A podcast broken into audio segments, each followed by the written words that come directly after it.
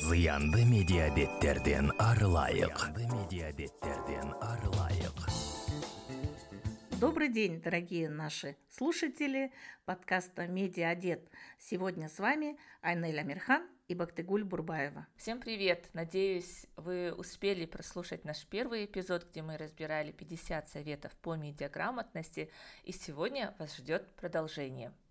Да, давайте поговорим о том, откуда вы читаете новости. Вы, например, Айнель, расскажите о своей медиапривычке.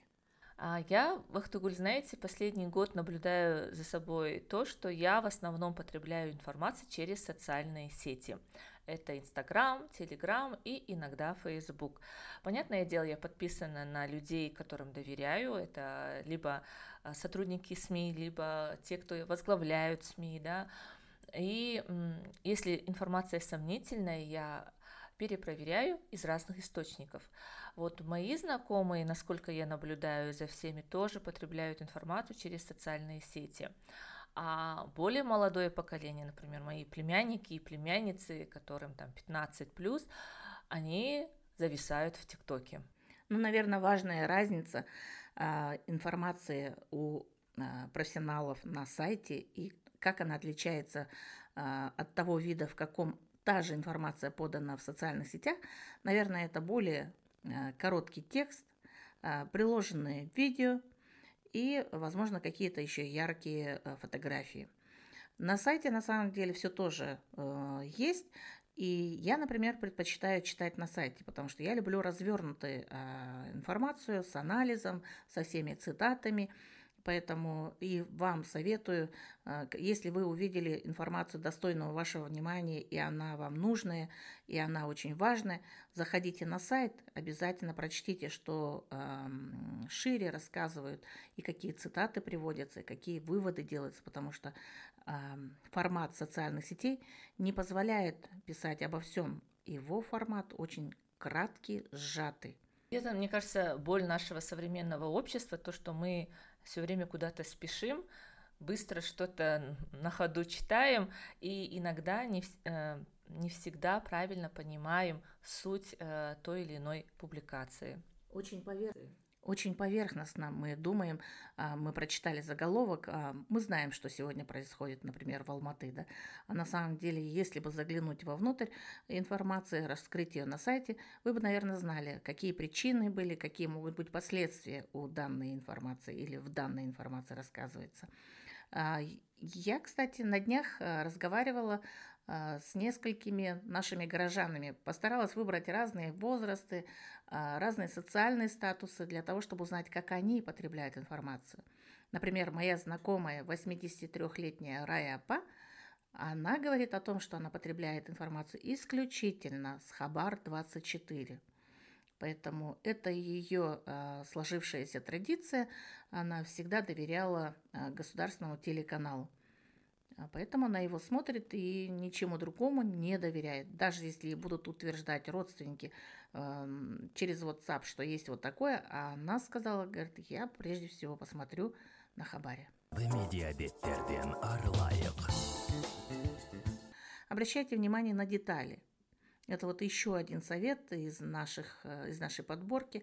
Детали информации очень часто раскрывают э, возможность определить, фейк это или факт да, или факт это, или мнение. Пожалуйста, присмотритесь еще к фотографии и видео, которое при, э, присутствует в данной информации. И они вам дадут пищу для размышления. Э, уделите на это несколько минут вашего внимания, э, потому что некоторые распространенные фейки могут что делать? Они могут посеять панику или хаос среди людей – а злоумышленники, которые используют фото и видео с мест трагедий, стихийных бедствий, катастроф, они этим могут пользоваться в самое разное время.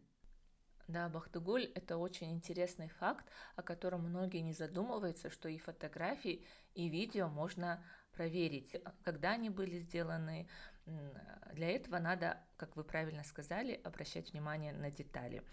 Э, это какие же это детали? Это рекламные вывески, номера машин, стиль архитектуры, антропологический тип людей на снимке, одежда, деревья, другие растения, географические объекты, горы, реки, скалы и так далее. Очень интересно.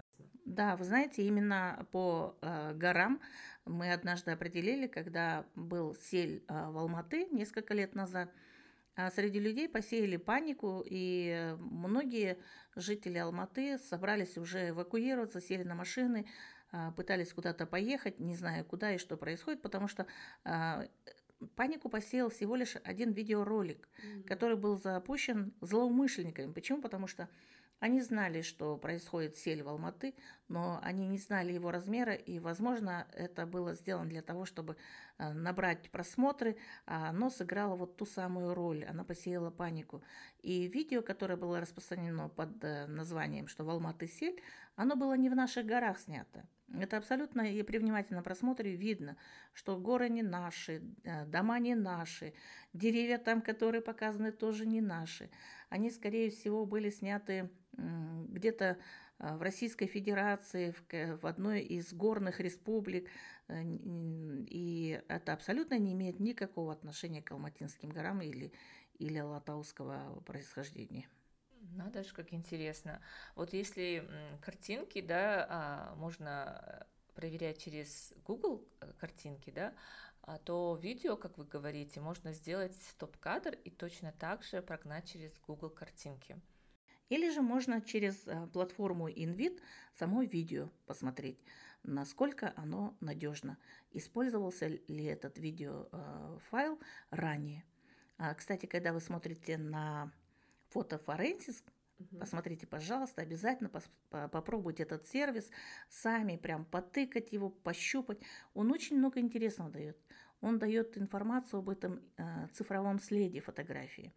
Он рассказывает, э, если этот цифровой след кто-то не старался нарочно убрать, то он обычно сохраняется. И он показывает, на чем была сделана эта фотография, во сколько это было сделана фотография, и даже сколько метров над уровнем моря находился фотоаппарат в момент, когда фотографировал это. Там абсолютно точно показывает, насколько четко фотография сохранила свой первозданный вид. Поэтому, пожалуйста, заходите на фотофоренсис и обязательно попробуйте поработать с ним. А когда вы ищете в Google поиске, конечно же, что вы ищете? Фотографию вы туда закладываете, ищите самый большой размер этой фотографии. Самый большой размер, он, скорее всего, становится самым первым э, в публикациях данного, данной фотографии. И она показывает, к чему она была привязана, в связи с чем эту фотографию раньше публиковали. Вот такие элементы нам позволяют с вами раскрутить, даже не обращаясь к специалистам. И, кстати, сегодня вот этот, э, так сказать, малый набор фактчекера да, современного, это не только работа фактчекеров, это каждого медиапотребителя. То есть, э, дорогие наши слушатели, каждый из вас это может сделать. И лучше всего делайте, потому что это касается вашей безопасности, это касается а, тем более безопасности в связи с тем, что вы, наверное, читали, Анель, сколько сегодня публикуют разные компьютерные либо IT-компании предупреждения, что сейчас растет огромное количество новых фишинговых решений, которые позволяют завладеть вашими персональными данными э, буквально за несколько секунд.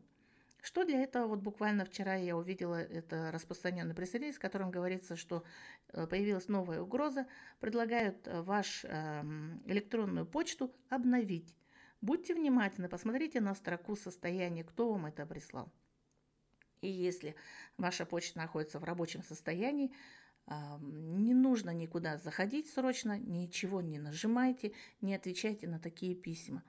Кроме того, кстати, а, было предупреждение и от Касперского, в котором а, было отражено, что сейчас подвержены именно русскоязычные почтовые сервисы. Обратите внимание, как сохранить ваши персональные данные. Не отвечайте на такие запросы, в котором вас просят срочно ответить, подтвердить через телефон, записать ваши данные еще в какой-то строке. Не нужно этого делать. Да, я думаю, о персональных данных мы еще подробнее поговорим в других наших эпизодах. А, я, знаете, когда вы говорили про проверку фото и видео, я вспомнила, что сейчас же очень многие люди знакомятся на сайтах знакомств, и всегда вот эти вот фотографии можно проверить, потому что, понятное дело, мы живем в информационном пространстве, в онлайн-сфере, э, но всегда, прежде чем кому-то доверять, любую информацию лучше перепроверить. И сейчас, как вы правильно сказали, для этого есть все возможности.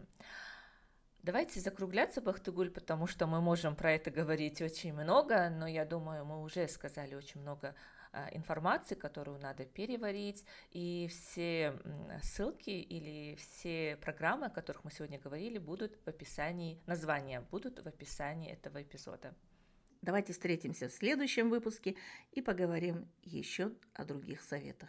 И перед тем, как попрощаться, я хотела напомнить нашим слушателям, что проект «Меняем вредные медиапривычки» реализуется при поддержке Европейского Союза, и данный проект реализует в Казахстане Казахстанская медиасеть. Это общественное объединение, которое работает по вопросам медиаэтики и медиаграмотности. Спасибо большое за ваше внимание. До следующей встречи. Вся информация и все эти 50 советов, также онлайн-курсы вы можете найти на сайте techmediasawat.com kz. Заходите. Если будут какие-то дополнительные вопросы, обязательно пишите. Мы на связи. Всем пока. Зыянды медиабеттерден арылайык. Зыянды медиабеттерден арылайык.